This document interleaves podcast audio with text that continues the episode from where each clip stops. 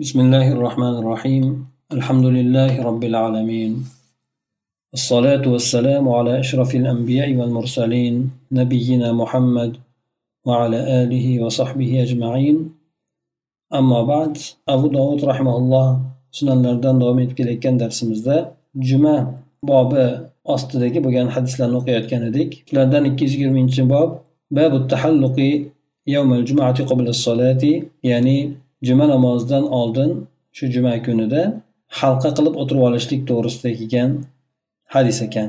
Buni hukmi nima? bir ming yetmish to'qqizinchi bo'lgan hadis alboniy rahmaulloh bunga hasan deb turib hukm bergan ekan. Abu dovud rahmaulloh bu hadisni amr ibn shoib otasidan u kishi esa bobosidan rivoyat qilgan ekan. Aytadiki anna rasululloh sollallohu alayhi vasallam naha an shiroi val bay'i fil masjidi وتنشد وأن تنشد فيه ضالة وأن ينشد فيه شعر ونهى عن التحلق قبل الصلاة يوم الجمعة رسول الله صلى الله عليه وسلم مسجدنا ichida oldi sotdi qilishlikdan qaytardilar va yana bunda masjidni ichida turib yo'qolgan narsani e'lon qilishlikni ham qaytardilar masjidni ichida she'r aytishlikni ham qaytardilar va yana juma kunida juma namozidan oldin halqa qilib o'tirib olishlikdan ham qaytardilar deydi. Bu hadislarida payg'ambar sallallohu alayhi vasallam to'rt narsadan qaytargan ekanlar. Olimlar esa ko'pchilik jumhur olimlar bu narsalarni qaytarilishligi ya'ni harom emas balki makruh deb aytishgan deyiladi. Birinchi payg'ambar sallallohu alayhi vasallam qaytargan narsasi masjidni ichida oldi sotdi qilishlikdan qaytardilar deydi. Masjid albatta alloh taoloni uyi bu dunyoviy bo'lgan narsalar uchun yoki tijorat narsalari uchun masjid qurilmagan balki alloh taoloni zikri ibodati alloh taologa u yerda e, turli ibodatlarni ado etishlik uchun qurilgan uydir. Bu yerda birinchi bo'lib qaytargan narsalari masjidni ichida turib savdo sotiq qilishlikdan qaytardilar dedi. Bu savdo sotiq ozgina narsa bo'ladimi? Ko'p narsa bo'ladimi? Bundan farqi yo'q. Hatto ba'zi bir hadislarda payg'ambar sallallohu alayhi vasallamdan rivoyat qilinadiki masjidda kimki masjidni ichida turib savdo sotiq qilayotgan odamni ko'radigan bo'lsa shunday deb aytsinki ya'ni alloh taolo bunga tijoratida hech qanaqangi foydani bermasin degan mazmunda. Masjidni ichida dunyoviy ishlarni qilishdan demak qaytarilgan ekan. Shulardan birisi mana savdo sotiq ishlarini qilishlik. Undan keyin ikkinchisi esa masjidni ichida turib savdo sotiq masalalarida ho masjidni ichiga olib kelib bo'lsin yoki masjidni ichida kelishuvlar qilishlik bo'lsin bu narsalardan mutlaq suratda qaytarilar ekan. Demak birinchi qaytargan narsalari payg'ambar sallallohu alayhi vasallamni masjidni ichida turib savdo sotiq qilishdan qaytargan ekanlar. Bu yerda ozmi ko'pmi? Ho tovarni olib kelibmi yoki olib kelmasdanmi kelishuvlar qilishlik mutlaq suratda qaytarilar ekan. Ikkinchi qaytargan narsalari esa masjidni ichida yo'qolgan narsani e'lon qilishlik. Bundan ham qaytargan ekanlar. Ho yo'qolgan narsa masjidni ichida bo'lsin yoki masjidni tashqarisida bo'lsin.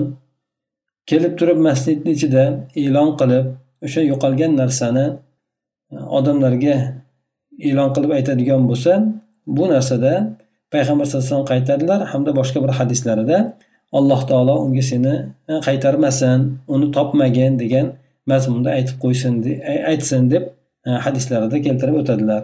Bu o'sha insonni ya'ni masjidni hurmatini buzganlikda buzganligi sababli payg'ambar sallallohu alayhi vasallam unga jazo suratida o'sha istayotgan narsasini alloh taolo senga qaytarib bermasin topmagin deb duo qilib qo'yishlikka buyurganlar. Endi insonni biron narsasi masjidni ichida yo'qolib qoladigan bo'lsa bunda nima qiladi? Bunda aytishadiki olimlar imomga yoki imomni noiblariga o'zlariga borib shunday deb aytib qo'yadigan bo'lsa bo'ladi. Yoki bo'lmasa masjidni tashqi eshik tashqi eshigi eshigini tashqi tomoniga yoki bo'lmasa masjidni tashqi devoriga qog'ozga yozib turib osib qo'ysa ham bo'ladi deydi. Yoki bo'lmasa masjidni tashqarisiga eshigini tagiga chiqib turib eshikdan tashqariga chiqib turib o'sha yerdagi chiqayotgan musulmonlardan ha shunday bir narsam yo'qolib qoldi. Shunga ko'zinglar tushmadimi deb so'rashligi mumkin bo'ladi. Lekin masjidni ichida esa unday qilishligi durust emas deb aytishadi. Shuningdek masjidni ichida demak dunyoviy bo'lgan narsalarni e'lon qilishlik ham mana shuni hukmini olar ekan ya'ni makruh sanalar ekan. Illo ibodat narsalari bo'ladigan bo'lsa bunda joiz ekan. Masalan ibodat amallari bo'lsin e, yoki bo'lmasa aytaylik e, bir ajrlik bo'lgan ishlar bo'lsin. Mana shu narsalarni hammasi masalan yig'inlar bo'ladigan bo'lsa yoki boring aytaylik e, ajr umid qilinadigan zulmga qarshi bo'lgan mitinglar bo'lsin boshqalar bo'lsin bunday bo'lgan narsalarni o'sha masjidni ichida turib turib e, munozara qilishlik o'shanga tayyorlanishlik bu narsalar ajrlik amal bo'lganligi sababli bu narsalar joiz deydi. Agar dunyoviy maqsadda qilinadigan bo'lsa bu narsalarni masjid ichida tayyorgarlik ko'rilishligi bu narsalarni o'sha yerda gap qilib ko'tarib e'lon qilinishligi mumkin emas ya'ni makruh deb aytishadi. Va masjidni ichida she'r to'qishlik she'r aytishlik mushoira qilishlik yoki bo'lmasa she'rxonlik qilishlik. Mana shu narsalardan ham payg'ambar sallallohu alayhi vasallam qaytardilar. Olimlar aytishadiki albatta bu yerdagi bo'lgan she'r yaxshilikka chaqiruvchi bo'lmasa rasulini sifatlab yoki bo'lmasa yaxshi amallarni sifatlab unga chorlovchi bo'lgan yaxshi bir she'rlar bo'ladigan bo'lsa buni zarari yo'q. Chunki payg'ambar sallallohu alayhi vasallam hasson ibn sobit roziyallohu anhuga o'sha masjidga kelgan elchilarga qarshi bu kishi she'r aytishligini payg'ambar alayhissalom buyurganlar u kishi she'rlarni aytgan deydi. Endi har xil bir ma'nisiz she'rlar bo'ladigan bo'lsa yoki bo'lmasa oddiy bir she'rlar bo'ladigan bo'lsa bunday she'rlarni e, yoki bo'lmasa birovlarni maqtashlik oddiy odamlarni maqtashlik ularga maqtovlar madhiyalar to'qishlik bunga o'xshagan narsalarni masjid ichida qilinishligi mumkin emas deydi. Juma kunida juma namozidan oldin halqa qilib o'tirishlikdan bo'lgan qaytaruv. Bu narsadan qaytardiki albatta inson jumaga borar ekan. Jumadan oldin inson o'zi bilan o'zi mashg'ul bo'ladi o'zini ibodati bilan. Kimdir qur'on o'qishlik bilan kimdir zikr qilishlik bilan kimdir namoz o'qishlik bilan odamlar har xil narsalar bilan mashg'ul bo'lishadi. Ana o'shalarda qilayotgan ibodatlarga xalaqit bermaslik uchun hattoki darslarni uyushtirishlik ham bo'lmaydi deb aytishadi. Hattoki darslar uyushtirishlik yoki bo'lmasa halqa halqa qilib o'tirib olishlik bu narsalar albatta saflarni buzilishligiga yoki bo'lmasa o'sha yerdagi bo'lgan namozxonlarda E, ibodatlarga xalaqit qilishlik yoki bo'lmasa e, o'sha o'sha yerdagi qur'on o'qiyotgan boshqa qilayotgan odamlarni chalg'itishlik mana shu narsalarga sabab bo'lganligidan bu narsadan ham qaytarilgan ekan. Endi ammo endi jumadan keyin bo'ladigan bo'lsa bu narsalarni zarari yo'q. E, jumadan oldin bo'ladigan bo'lsa shu narsalarga sabab bo'lib qoladigan bo'lganligi uchun payg'ambar sallallohu alayhi vasallam bu narsadan qaytarganlar deb aytadi. Ikki yuz yigirma birinchi bo'ladigan bobda esa abu dovud rahmalloh aytadilarki babun minbari ya'ni inson imom o'ziga minbar qilib olishligi minbarni qo'yib olishligi to'g'risida kelgan bob ekan buni hukmi qanday bo'ladi bir ming saksoninchi bo'lgan hadis bu hadisni abu dovud rahmaulloh abu hozim ibn dinordan rivoyat qilinadi rivoyat qiladiki u kishi aytadilar أن رجالا أتوا سهل بن سعد الساعدي رضي الله عنه وقد امتروا في المنبر مما عوده. فسألوه عن ذلك فقال والله إني لا أعرف مما هو ولقد رأيته أول يوم وضع وأول يوم جلس عليه رسول الله صلى الله عليه وسلم أرسل رسول الله صلى الله عليه وسلم إلى فلانة امرأة قد سماها سهل أن مري غلامك النجار أن يعمل لي أعوادا أجلس عليهن إذا إذا كلمت الناس. فأمرته فعملها من طرفاء الغابة ثم جاء بها فأرسلته إلى رسول الله صلى الله عليه وسلم فأمر بها فوضعتها هنا فرأيت رسول الله صلى الله عليه وسلم صلى عليها وكبر عليها ثم ركع وهو عليها ثم نزل القهقرة فسجد في أصل المنبر ثم عاد فلما فرغ أقبل على الناس فقال يا أيها الناس إنما صنعت هذا لتأتموا بي ولتعلموا صلاتي. Bu hadisni imom buxoriy va imom muslimlar ham rivoyat qilgan ekanlar. Abu hozim ibn dinor aytadiki bir odamlar ya'ni tobiinlarni iroda qilyapti bu yerda. Sahl ibn saad soidiy roziyallohu anhu oldilariga keldilar deydi. Bular payg'ambar sallallohu alayhi vasallamni minbari to'g'risida buni yog'ochi nimadan ekan deb bir birlari bilan bahslashib qolishdi. Shunda ular bu narsa haqida u kishidan ya'ni sahl ibn saad sodiy roziyallohu anhudan so'radilar. U kishi javob berdilarki allohga qasamki men bu qaysi yog'ochdan qilingan ekanligini albatta bilaman. Men uni birinchi qo'yilgan kuni ham ko'rganman va payg'ambar sallallohu alayhi vasallam unga birinchi o'tirgan kunni ham bilaman ko'rganman dedilar. Rasululloh sollallohu alayhi vasallam palonchi bo'lgan ayolga deb ya'ni sahl uni nomini ham aytdi. Shu palonchi bo'lgan ayolga odam yubordi. Shunday deb aytdiki o'zingni xizmatkoringga duradgor bo'lgan xizmatkoringga buyurgin. Men uchun bir yog'ochdan men ustiga o'tiradigan bir yog'ochni qilib bersin ya'ni shu bir o'tiradigan o'rindiq qilib bersin. Agar men odamlarga gapiradigan bo'lsam men ustiga o'tiradigan men uchun bir o'rindiqlarni qilib bersin. Shuni duradgor bo'lgan xizmatkoringga buyurgin deb odam yubordi. Haligi ayol o'zini xizmatkoriga buyurgan edi bu ayol g'oba degan joy g'oba ya'ni madinani tashqarisidagi bo'lgan joy ekan. O'sha joyni torfa degan yog'ochni nomi cho'lda o'sadigan o'simlik ekan. Yog'och o'shandan qilib berdi. So'ng olib kelib olib kelgandan keyin payg'ambar sallallohu alayhi vasallamga haligi ayol uni o'sha e, narsani yubordi. Payg'ambar sallallohu alayhi vasallam unga buyurgan edi ya'ni o'sha minbarni qo'yishlikka buyurgan edi. Mana shu joyga qo'yildi deb turib sahl ibn sad sodiy roziyallohu anhu o'sha minbar turgan joyga ishora qildilar. Payg'ambar alayhissalom buyurganida mana shu hozir turgan joyga qo'ydilar deydi men rasululloh sollallohu alayhi vasallamni uni ustida namoz o'qiganligini ham o'shani ustida takbir aytganligini so'ng ruku o'qiganligini o'shani ustida bo'lib turgan holatda ko'rganman. So'ng payg'ambar sallallohu alayhi vasallam orqaga tisarilib tushdilarda pastga minbar ostiga sajda qildilar. Ya'ni yerga shu minbarni pastidagi yerga sajda qildilar. So'ng yana qaytib payg'ambar sallallohu alayhi vasallam e, minbarga chiqdilar deydi namozdan bo'shagan paytda odamlarga yuzlanib aytdiki ey odamlar men bu narsani sizlar menga men bilan imomlanishlaringiz uchun menga ergashishlaringiz uchun hamda meni namozimni ta'lim olib o'rganishni bilishliklaringiz uchun shunday qildim deb aytdi. Payg'ambar sallallohu alayhi vasallam e, demak bu hadisda o'sha minbarni birinchi bo'lib minbarni bu kishi joriy qilganlar imom ya'ni odamlarni ko'z o'ngida yaxshiroq bir ko'rinib turishligi uchun imomni xatti harakatlari yaxshiroq bilinib turishligi uchun payg'ambar sallallohu alayhi vasallam shu juma kuni xutba qiladigan bo'lsalar o'zlariga e, minbar qilib olgan edilar. Keyin payg'ambar sallallohu alayhi vasallam bir kuni o'shani ustida turib namoz o'qidilar. Namoz o'qigan paytida buni ularga odamlarga ko'rsatib o'qidi. Buni sababini ham aytib qo'ydiki sizlar mendan ta'lim olib o'rganishlaringiz uchun men qanday bo'l imom bo'layotgan bo'lsam menga ergashishlaringiz uchun bu narsani qildim sizlarga o'rgatib qo'yishlik uchun deb aytdilar. O'shani ustida minbarni ustida turib turib takbir aytdi.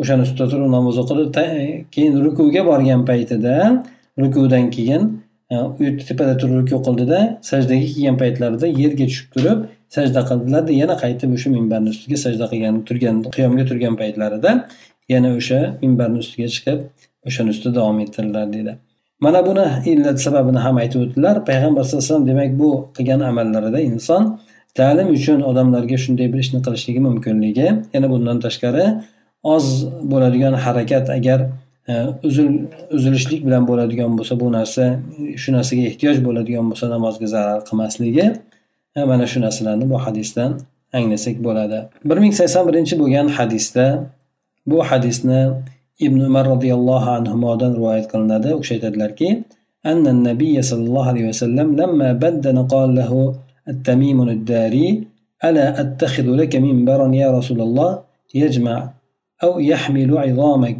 قال بلى فاتخذ له منبرا مرقتين imom buxoriy buni muallaq suratda rivoyat qilgan ekan. Muallaqni bilasizlar ya'ni sadanni to'liq suratda keltirmaydida san'atdan odamlarni olib tashlab turib bularni o'sha aytgan gaplaridan qilib keltiraveradi. Ibn umar roziyallohu anhu aytadilarki ya'ni payg'ambar sallallohu alayhi vasallam yuklanib qolgan paytida ya'ni sal semirib qolgan paytlarida badaniga go'sht to'lib qolgan paytlarida tamim addoriy roziyallohu anhu aytdilar. Ey rasululloh biz sizga yoki men sizga bir minbar qilib bermayinmi dedi. O'sha minbar sizni suyaklaringizni jamlab turadi yoki ko'tarib turadi. Ya'ni sizga qiyin bo'lmaydi o'sha yerda o'tirib suyanib turadigan bo'lsangiz ham o'shanda sizga yaxshiroq bo'ladi yengilroq bo'ladi deganda payg'ambar sallallohu alayhi vasallam ha mayli shunday qilib bering dedi. Keyin payg'ambar sallallohu alayhi vasallam ikki pog'onalik bo'lgan ikkita chiqadigan pog'onasi bo'lgan minbarni o'zlariga qilib oldilar deydi. Endi 222-bobda esa o'sha minbarni qo'yilgan o'rnini aytib o'tilyapti. Bu yerdagi bo'lgan hadis salomat ibn Akva roziyallohu anhudan rivoyat qilinadi. Bu kishi aytdilarki, kana bayna minbari Rasululloh sollallohu alayhi vasallam va bayna al-haiti. Buni Imom Buxoriy va Imom Muslim ham rivoyat qilgan ekan. salomat ibn Akva roziyallohu anhu aytadilar, Rasululloh sollallohu alayhi vasallamni minbarlari bilan qibla tomondagi devorning o'rtasidagi bo'lgan joy xuddi bir bir qo'y o'tadigan miqdordagi bo'lgan joy kabi edi deydi. Ya'ni payg'ambar sallallohu alayhi vasallamni minbari bilan devorni o'rtasidagi bo'lgan joy bitta qo'y sig'adigan bemalol sig'adigan qo'y o'tadigan miqdorchalik edi deb keladi. Ya'ni u kishi qiblaga qibla devoriga yaqin qilib qo'yilgan edi minbarlari. O'sha yerda u kishi ham namoz o'qigan paytlarida sutraga ya'ni devorga yaqinroq bo'lgan holatda namoz o'qiyardilar. Hozirgi davrda albatta payg'ambar sallallohu alayhi vasallamni minbarlari bu tomonda ancha ichkariroq tomonda qolib ketgan undan keyin masjidni kengaytirishlik oqibatida yana minbarni orqasidan anchagina metr bo'lgan joyni e, qo'shilganki bunda birinchi saf ancha oldinga yoki imom turadigan joyi ancha oldinga o'tib ketib qolgan. Ikki yuz yigirma uchinchi bo'lgan bob bu bobda abu dovud rahmaulloh aytadilar juma kunida savoldan oldin ham namoz o'qishlikni nafl namozni o'qishlikni mumkinligi bir ming sakson uchinchi bo'lgan hadis bu hadis e, albani rahimaulloh zaif deb ishora qilgan ekan buni abi qatoda roziyallohu anhudan rivoyat qilinadi u kishi payg'ambar sallallohu alayhi vasallamdan rivoyat qiladilarki payg'ambar sallallohu alayhi vasallam أنه كره الصلاة نصف النهار إلا يوم الجمعة وقال إن جهنم تسجر إلا يوم الجمعة قال أبو داود وهو مرسل مجاهد أكبر من أبي خليل وأبو خليل لم يسمع من أبي قتادة payg'ambar sallallohu alayhi vasallam bu kishi kunduz kunni yarmidagi bo'lgan kun yarim bo'lgan paytdagi namoz o'qishlikni kerak ko'rardilar ya'ni kun tikka kelgan paytlarida namoz o'qishlikni kerak ko'rardilar yaxshi ko'rmasdilar illo juma kuni bo'lsa o'qiyverardilar aytardilarki bu kishi jahannam qizdiriladi illo juma kuni bundan mustasnodir ya'ni o'sha paytda jahannam juda yam qizdiriladi Juma kuni esa bundan bundan mustasno deganlar abu dovud rahimalloh bu hadis borasida buni mursal degan mursal degani sahobiyni o'rtada tark qilinib tobiin tomonidan payg'ambar sallallohu alayhi vasallam aytdi deb aytilishligi bo'ladi sahobiydan sahobiyni tushib qolishligi o'zi asli zarar qilmaydi lekin tobiin birdaniga payg'ambar sallallohu alayhi vasallamga nisbatlab aytadigan bo'lsa unda ma'lum bo'lmaydiki aniq suratda ma'lum bo'lmaydiki u tushib qolgan odam sahobiymi yoki bo'lmasa o'ziga o'xshagan tobiinmi agar sahobiy bo'ladigan bo'lsa uni tekshirib yotishlikka hojat yo'q. Chunki sahobalarni hammasi adolatli deb e'tibor qilingan. Endi o'ziga o'xshagan bir tobiin bo'ladigan bo'lsa u tobiin haqida ma'lumot bo'lmagandan keyin bu narsani doif hukmida deb e'tibor qilinadi. Demak namoz makruh bo'lgan o'rinlar kunda besh vaqtda namoz o'qishlik makruh hisoblanadi. Bu bomdod e, namoz vaqti kirgandan keyin nafl namoz o'qishlik e, bu narsa bomdod namozida farzdan oldin bo'lsin yo keyin bo'lsin bu narsa karohiyati bor makruh hisoblanadi. Undan keyin bomdodni ya'ni quyosh chiqishlik paytida quyosh chiqishidan ozgina oldin bu paytda o'qishlik qattiqroq suratda qaytarilgan e, bu paytda ham nafl namoz o'qib bo'lmaydi inson. Faqatgina bomdod namozini o'qishligi sig'adi xolos bu yerda. Uchinchi bo'lgan o'rin esa kun tikka kelgan paytida nafl namozni o'qishlik yoki bo'lmasa e, umuman suratda namoz o'qishlik hali bu paytda peshin vaqti kirmagan hisoblanadi. Shu paytda ham namoz o'qishlik makruh sanaladi. To'rtinchisi esa asr namozidan keyin nafl ibodat qilishlik nafl namozni o'qishlik bundan qaytariladi. Beshinchi vaqtda esa quyosh botar paytidan ozgina oldin nafl namozni o'qishligi mutlaq suratda mumkin emas deb aytiladi. Ikki yuz yigirma to'rtinchi bo'lgan bobda abu dovud rahmaulloh aytadilarki babun fi vaqtil jumati. Jumani o'qishlik vaqti to'g'risida kelgan. Juma qaysi paytda o'qiladi? bir ming sakson to'rtinchi bo'lgan hadis bu hadisda abu dovud rahmaulloh usmon ibn abdurahmon taymiydan rivoyat qiladi bu kishi esa aytadilarki samiatu anas ibn malik roziyallohu anhu يقول كان رسول الله صلى الله عليه وسلم يصلي الجمعة إذا مالت الشمس bu hadisni imom buxoriy va imom muslim ham rivoyat qilgan ekan men anas ibn molik roziyallohu anhuni shunday deb aytayotganligini eshitganman rasululloh sollallohu alayhi vasallam juma namozini quyosh tikkadan og'gan paytida zavoldan og'gan paytida zavolga qarab ketgan paytida juma namozini o'qiyardilar deydi ya'ni kun tikka bo'lgandan keyin ozgina og'ishlikni boshlagandan keyin peshin vaqti kirgan bo'ladi. Ana o'sha paytda payg'ambar sallallohu alayhi vasallam juma namozini o'qiyardilar deb keladi. bir ming sakson beshinchi bo'lgan hadisda esa bu hadisni salomat ibn akvani o'g'illari salomat ibn akva roziyallohu anhudan rivoyat qiladi. U kishi aytadilarki كنا نصلي مع رسول الله صلى الله عليه وسلم الجمعة ثم ننصرف وليس للحيطان فيء biz rasululloh sollallohu alayhi vasallam bilan birgalikda juma namozini o'qiyar edik so'ng uylarga tarqalib ketar edik bu paytda devorlarni soyasi bo'lmasdi ya'ni o'sha kun tikka kiygan paytda erta o'qilganligini bunda aytib o'tilyapti undan keyin bir ming sakson oltinchi bo'lgan hadisda esa sahl ibn saad soji roziyallohu anhudan rivoyat qilinar ekan. U kishi aytadilarki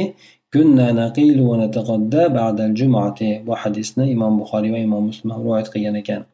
U kishi aytadilarki biz juma namozidan keyin qaylula qilardik ovqatlanardik bemalol o'sha narsalarga vaqt bo'lardi deydi ya'ni jumani ertaroq o'qiganligini e, ishora qilib aytyaptilar. Jumani o'qishlik vaqti bu borada olimlarni ixtilofi bor.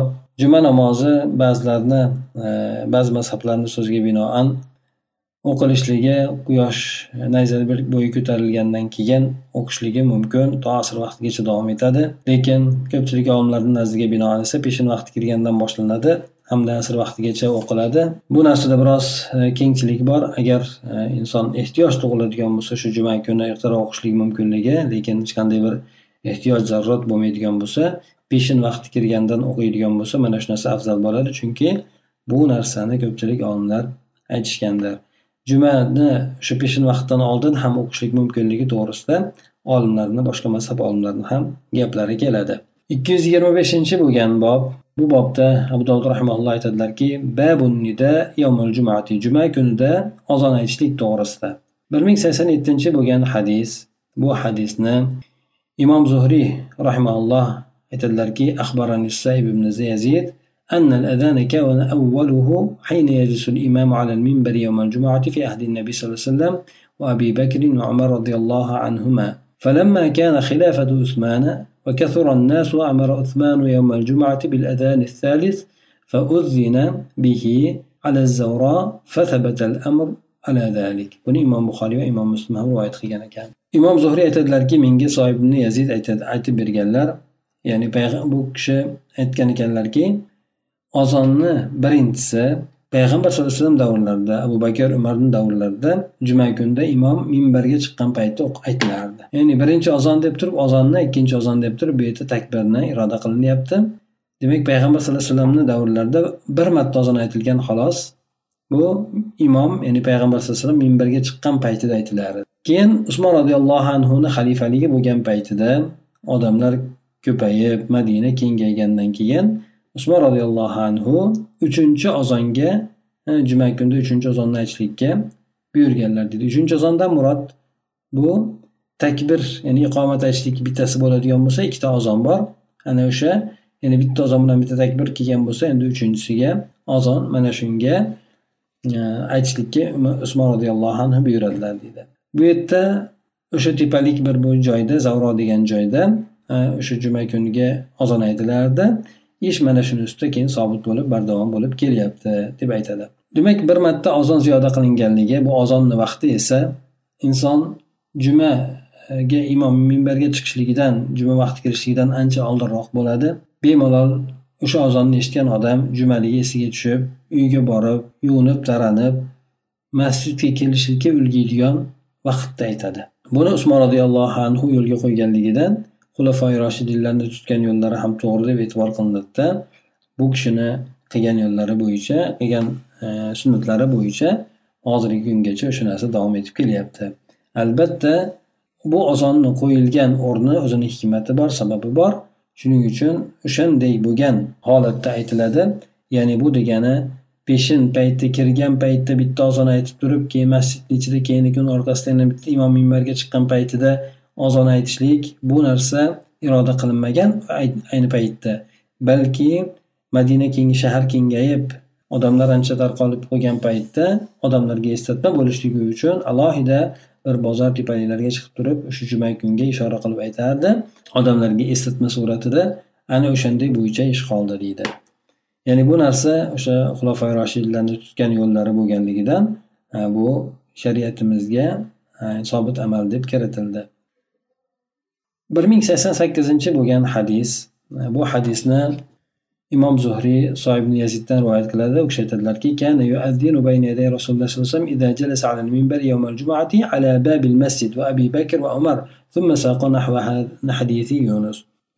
o'tgan yazid ibn e, soib yazid rahmaulloh aytadiki payg'ambar sallallohu alayhi vasallam davrlarida minbarga rasululloh alayhi vasallam minbarni o'tga o'tirgan paytlarida juma kunida masjidni eshigini oldida ozon aytilardi. Masjid eshigini oldida turib ozon aytilardi. Payg'ambar alayhisalom minbarga chiqqan paytlarida birinchi ozon imom demak minbarga chiqqan paytida eshikni oldida turib masjid eshigini oldida turib turib ozon aytilardi. Bu narsa abu bakr umar davrida ham shunday bo'lib davom etdi deb keyin keyin yuqoridagi bo'lgan hadisni to'lig'icha aytib o'tilgan ekan. Bu yerdagi buni albon rahmaulloh munkar deb keltirgan ekan. Sababi masjid masjidni eshigini oldida turib degan so'zi munkar ekan. E, bu rivoyatni boshqalar rivoyat qilmagan balki bir odam ko'pchilikka muxolif suratda rivoyat qilganligi uchun bu e, ziyodasi munkar deb e'tibor qilingan ekan. bir ming sakson to'qqizinchi bo'lgan hadis esa bu hadisni e, sahih rivoyat yo'li orqali kelgan ekan. Imom zuhriy soib rahimallohdan roziyallohu anhudan keltirgan ekan. lam yakun li rasululloh sollallohu alayhi vasallam illa muadinun vahid bilal payg'ambar sallallohu alayhi vasallamni bittagina ozonchisi bor edi bu ham bo'lsa bilol deb keyin yuqorida bo'lgan gapni davom ettirib keltirgan ekan bir ming to'qsoninchi bo'lgan hadis ya'ni bu hadisni boshqa yo'ldan rivoyat qilinyaptiki payg'ambar sallallohu alayhi vasallam ولم يكن لرسول الله صلى الله عليه وسلم غير مؤذن واحد وساق هذا الحديث وليس بتمامه payg'ambar sallallohu alayhi vasallamni bittadan boshqa ozonchisi bo'lmagan edi. Ya'ni bir marta ozon aytardi xolos payg'ambar alayhisalom davrlarida deb keltirib o'tiladi demak bu yerda uchinchi ozonni yoki bo'lmasa aytaylik ikkinchi ozonni ziyoda qilinishligini sababi odamlar o'sha jumani juma kuni ekanligini yodga olib eslashib bu narsadan e, keyin uylariga borib shu yerda yuvinib kiyinib keyingacha ulgurgan vaqtda aytilishi kerak deb aytishadi. Bir ming to'qson bir e, ikki ming ikki yuz yigirma oltinchi bo'lgan bob bu bobda abu dovud rahmonalloh aytadilarki babul imam fi xutbatihi. Imom xutbada turgan paytda bir odamga gapirishligi. E, yuqorida aytib o'tdi juma kunida gapirishlik mumkin emas hattoki birodariga uskut desa ham yoki soh desa ham o'sha juma kunida ajrdan mahrum bo'lib qoladi degan mazmunda hadis o'tgan edi. Shuni ba'zi o'rinlarda joiz ekanligini ifoda qiluvchi mana bir ming to'qson birinchi bo'lgan hadis kelyapti. bu hadisda jobir ibn abdulloh roziyallohu anhu rivoyat qilinadiki لما استوى رسول الله صلى الله عليه وسلم يوم الجمعة قال اجلسوا فسمع ذلك ابن مسعود فجلس على باب المسجد فرآه رسول الله صلى الله عليه وسلم فقال تعال يا عبد الله ابن مسعود قال أبو داود هذا يعرف مرسل إنما رواه الناس عن عطاء عن النبي صلى الله عليه وسلم ومخلد وهو شيخ jobir ibn abdulloh roziyallohu anhu aytadilarki rasululloh sollallohu alayhi vasallam juma kunida o'rnashgan paytlarida aytdilarki o'tiringlar dedi. Buni ibn masud roziyallohu anhu eshitib qoldilarda masjidni eshigini oldiga o'tirdilar keyin deydi ya'ni o'sha yerda eshitgan ekan o'sha o'tirgan joyida o'sha eshitgan joyiga o'tirib qoldi o'tirdilar deydi payg'ambar sallallohu alayhi vasallam esa u kishini ko'rdilarda aytdilarki abdulloh masud keling bu yerga dedi. Abu dovud rahmalloh aytdilarki bu mursal deb bilinardi bu hadis aslida. Odamlar uni ato ibn abi roboh orqali payg'ambar alayhisalomlar rivoyat qilishgan ekan. Lekin Bu yo'lni mana Jobir roziyallohu anhudan kelgan rivoyat yo'liyam sahiy bo'lganligidan Alboniy rahimaulloh buni mursal emas balki sahiy deb aytgan ekanlar. 227 bo'lgan bob Babul julus ida saidal minbar minbarga chiqqan paytda o'tirishlik to'g'risida kelgan buni hukmi.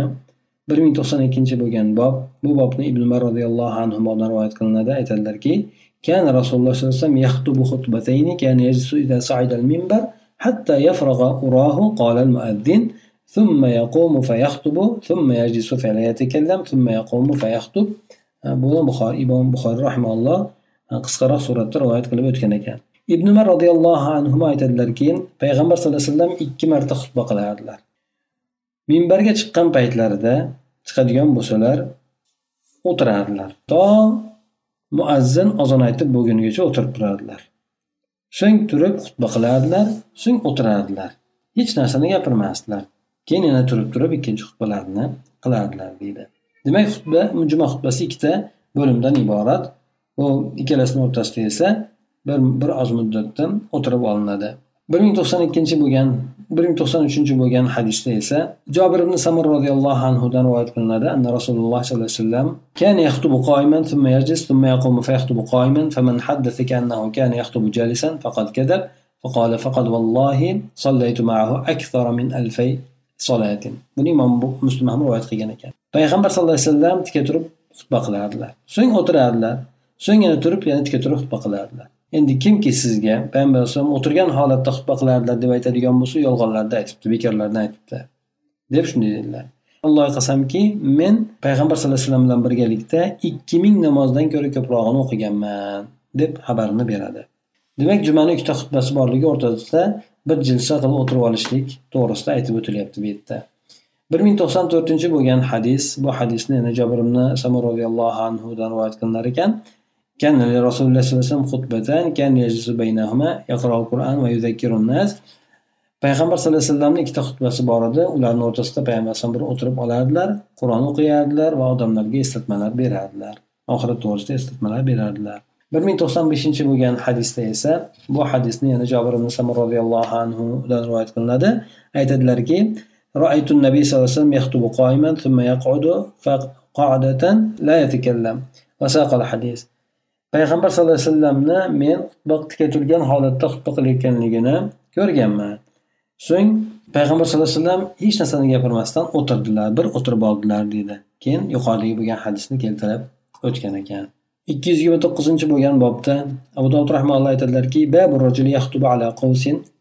bir odam kamonga suyangan holatida abu dovud rahmalloh aytadilarki qola haddasana shuayb ibn ruzayq toifiy qola jalastu ila rajulin lahu suhbatu min rasulilloh sollallohu alayhi vasallam yuqal lahu al-hakam ibn hazn al-kulafi fa ansha'a yuhaddithuna قال وفدت إلى رسول الله صلى الله عليه وسلم سابع سبعة أو تاسع تسعة فدخلنا عليه فقلنا يا رسول الله زرناك فادع الله لنا بخير فأمرنا فأمر بنا أو أمر لنا بشيء من التمر والشأن ذاك دون فأقمنا بها أياما شهدنا فيها الجمعة مع رسول الله صلى الله عليه وسلم فقام متوكئا على عصا أو قوس قوس فحمد الله وأثنى عليه كلمات خفيفات طيبات مباركات ثم قال أيها الناس إنكم لن تطيقوا أو لن تفعلوا كل ما أمرتم به ولكن صددوا وأبشروا. قال أبو علي سمعت أبا داود قال ثبتني في شيء منه بعض أصحابنا وقد كان انقطع من القرطاس حكم حزن الكلفي aytadiki shu hadisni aytib bera boshladilar deydi shuayb ruzayq toifiy aytadi men payg'ambar sallallohu alayhi vasallamni sahobalaridan bo'lgan bir kishi bilan birga o'tirib qoldim uni hakam hazn kulafiy deb aytilardi u kishi bizga hadis aytib bera boshladilar aytadilarki men rasululloh sollallohu alayhi vasallamga yettita odamni yettinchisi yoki to'qqiz odamni ichida to'qqizinchisi bo'lib e, elchi bo'lib kelgan edim. Payg'ambar sallallohu alayhi vasallamga biz keyin kirdik. Aytdikki rasululloh biz sizni ziyorat qilib keldik. Biz uchun e, yaxshilik bilan duo qiling. Bizni haqqimizga yaxshilik bilan duo qiling dedi. Payg'ambar alayhissalom keyin e, biz biz uchun buyurdilar yoki bizga buyurdilar deydi ya'ni xurmodan bir narsa olib kelinglar deb bizga buyurdilar deydi o'sha paytda holat qiyinchiliklar holatida keyin biz o'sha madinada bir necha kun turdik. U yerda payg'ambar sallallohu alayhi vasallam bilan birgalikda juma namozida ham ishtirok etdik. Bu kishi bir hassalariga tuyanib yoki bo'lmasa bir kamonga suyanib turdilarda alloh taologa hamd aytdilar sano aytdilar. Juda bir yengil juda bir ajoyib bo'lgan muborak bo'lgan so'zlarni payg'ambar alayhissalom aytib o'tdilar. So'ng aytdilarki odamlar albatta sizlar toqat qilolmaysizlar yoki qilolmaysizlar men aytgan buyurgan narsani hammasini qilolmaysizlar yoki unga toqat ham qilolmaysizlar. Lekin to'g'rilanib bir yaqinroq qilinglar xursand bo'linglar deb turib payg'ambar alayhisalom aytdi. Abu ali aytadiki abu dovudni men ba'zi ashoblarimiz undan bir narsada meni sobit qadam qilishgan edi deb aytadi. Lekin bu yerda u yozilgan kitobdan tushib ketib qolgan ekan. Bir ming to'qson yettinchi bo'lgan hadis bu hadisda abdulloh masud roziyallohu anhudan rivoyat qilinadi u kishi aytadilarki anna rasululloh alayhi vasallam qol الحمد لله نستعينه ونستغفره نعوذ بالله من شرور أنفسنا من يهدي الله فلا مضل له ومن يضلل فلا هادي له ya'ni xutbatli hojatni o'qiyardilar ekan payg'ambar sallallohu alayhi vasallam tashahhud aytadigan bo'lsalar boshilarida aytadilarki deydi alloh taologa hamd bo'lsin biz alloh taolodan yordam so'rab mag'firat so'raymiz nafslarimizni yomonliklardan alloh taolodan panoh so'raymiz. Qaysi bir kimsani alloh taolo hidoyat qilgan bo'lsa uni adashtiruvchi yo'q kimni adashtirgan bo'lsa uni hidoyat qiluvchi yo'q alloh taoloni yolg'iz iloh ekanligiga haqiqiy ma'bud ekanligiga e, guvohlik beraman. Muhammad alayhissalomni esa alloh taoloni bandasi rasul ekanligiga guvohlik beraman. Alloh taolo u zotni haq bilan xursandlik xabarini beruvchi ogohlantiruvchi qilib qiyomatdan oldin yubordi. Kimki alloh va rasuliga itoat qiladigan bo'lsa bu odam to'g'ri yo'lda bo'ladigan bo'ladi. Kimki ikkalasiga osiylik qilgan bo'lsa bu odam faqat o'zigagina zarar bergan bo'ladi xolos. Alloh taologa biron narsani zarar berolmaydi deb keltirib o'tadi. Hop bu hadisga albon rahimahulloh doif deb ishora qilgan ekan. Bu xutbay hojatni aytib o'tilgan. Shu mazmundagi boshqa e, hadislarda to'liq suratdagi xutbay hojatni qilganliklari keladi. Ya'ni inson Э, Juma kuni xutbani boshlashlik paytlarida albatta Alloh taologa hamdu sano aytishligi, payg'ambar sallallohu alayhi vasallamga salovat aytishligi mana shu narsalar lozim bo'lar ekan. Bir ming to'qson sakkizinchi bo'lgan hadis Yunusdan rivoyat qilinadiki, ibn Shihab an tashahhud rasululloh yawmal jumu'ati fadhakara nahwahu qala man ya'sihima faqad ghawa wa nas'alullah rabbana an yaj'alana mimman yuti'uhu wa yuti'u rasulahu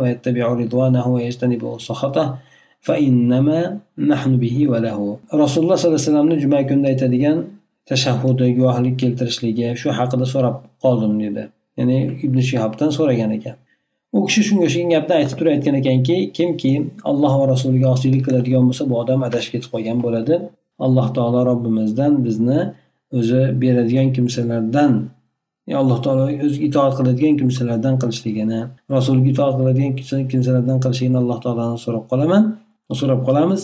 E, Va yana bizni alloh taolo roziligiga ergashadigan g'azabidan chetlanadigan kimsalardan qilishligini alloh taolodan so'raymiz deydi.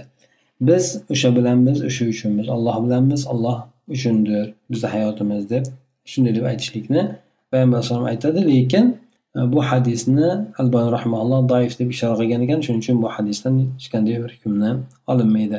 Bir ming to'qson to'qqizinchi bo'lgan hadisda esa bu hadisni adi ibn hotimdan rivoyat qilinadi أن خطيبا خطب عند النبي صلى الله عليه وسلم فقال من يطع الله ورسوله ومن يعصيهما فقال قم avidhab bisal xotibu anta imom muslim rivoyat qilgan ekan bir xotib payg'ambar sallallohu alayhi vasallamni oldlarida davrlarida xutba qilib qoldi aytdiki kim olloh va rasuliga itoat qilgan bo'lsa yaxshi itoat qilmagan bo'lsa deb ketgan ekan bunda payg'ambar alayhisalom aytdilarki bor ket dedi. Ya'ni sen qandayyam bir yomon xutbachisan ya'ni xutba aytuvchi ekansan deb shunday deb aytganlar. Ya'ni gaplari qo'pollik bo'lganligidan ichiga payg'ambar alayhissalom xutba qiluvchiga qaytarib surat qaytara suratda bu gaplarni aytgan ekan.